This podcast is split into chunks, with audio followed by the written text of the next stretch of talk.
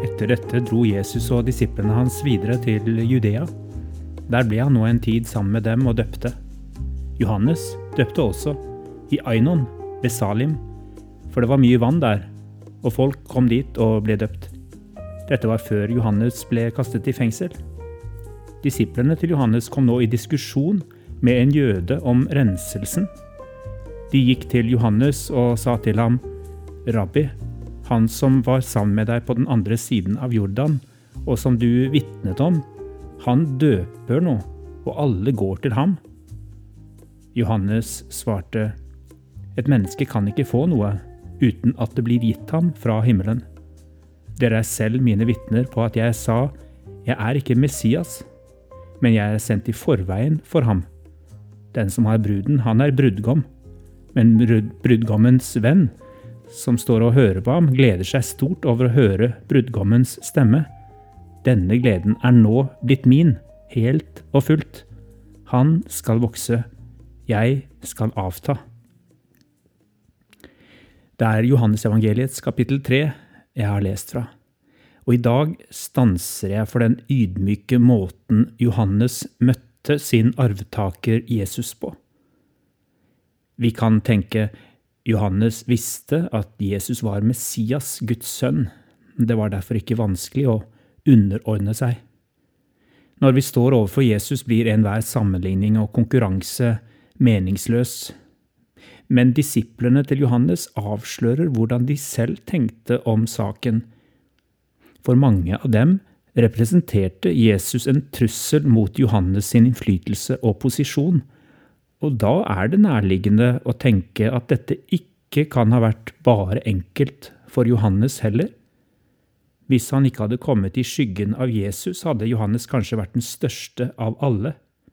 I sin samtid ble det hvisket om at han var både den nye Elia og kanskje Messias selv, så imponerende var han i sin fremtoning og sitt budskap.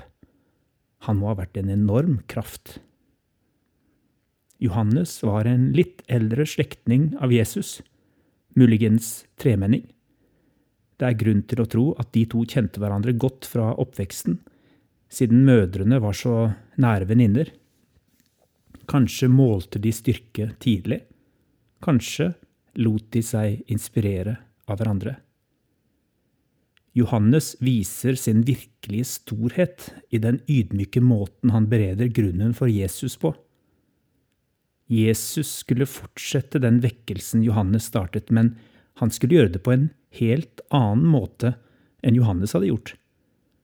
Det er klare likheter i deres omvendelsesforkynnelse, men de arbeidet på helt forskjellige måter. Der Johannes for det meste sto ute i ødemarken og tok imot mennesker ved Jordanelva, oppsøkte Jesus folk der de bodde. Jesus levde midt blant folk der han gikk, var det fest og gode måltider, mens Johannes må ha fremstått som en livsfornekter og asket, der han gikk i kamelhårskappe og spiste vill honning og gresshopper. Men til tross for at de var så forskjellige, næret de en dyp respekt for hverandre.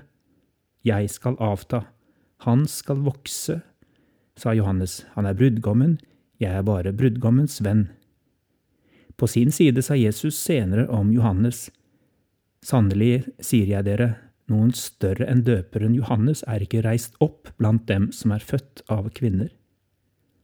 Hvilken attest de ga hverandre, de to. For meg er også Johannes et forbilde i det at han tør å vise sårbarhet. Da han får besøk av Jesu venner i fengselet, stiller han spørsmål som avslører både tvil og usikkerhet.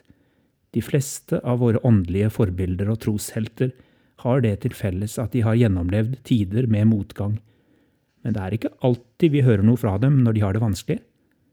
Johannes våget å gi seg til kjenne også mens han var på sitt svakeste. Av type er jeg nok et konkurransemenneske som har lett for å sammenligne meg med andre.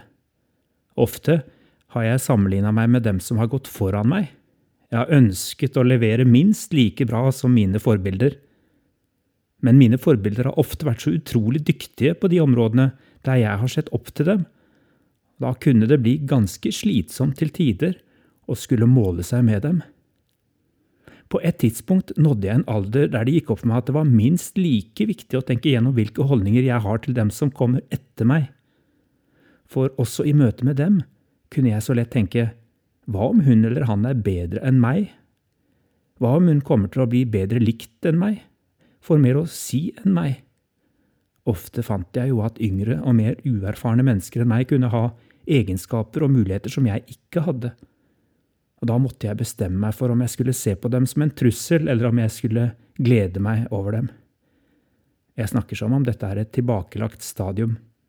Det er ikke helt sant. På dårlige dager kan jeg fortsatt oppleve andre mennesker som en trussel, og da kan jeg bli en flaskehals for utvikling der jeg ferdes, istedenfor å være den jeg egentlig ønsker å være.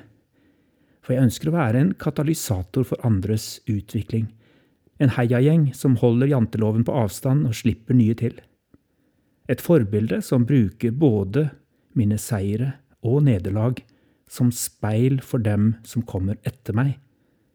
Jeg ønsker at de som er rundt meg, og som kanskje er yngre, både skal kunne finne gjenkjennelse for sin egen sårbarhet og tilkortkommenhet når de tilbringer tid med meg, men også at de skal kunne oppleve noe stødig, at jeg ikke går i stykker når de utfordrer meg, at jeg er hel ved. Og så håper jeg at de kan lære å like seg selv litt bedre når de har vært sammen med meg. For det er egentlig så mye viktigere enn at de liker meg. Slik fremstår Johannes som et bibelsk forbilde. Har du noen som har speilet noe av Johannes sitt lederskap i ditt liv? Er det noen som kan se på deg som en veirydder for den tjenesten de har i dag? Det er mange unge mennesker på veien i tjeneste som trenger en heiagjeng. Noen som både oppmuntrer, hedrer og som noen ganger formidler sannheten i kjærlighet når det trengs. Som tør å vise både sin styrke og sin sårbarhet i møte med dem som kommer etter oss. Tenk om vi kunne reise en hær av slike Johanneser som kan si med stolthet De skal vokse.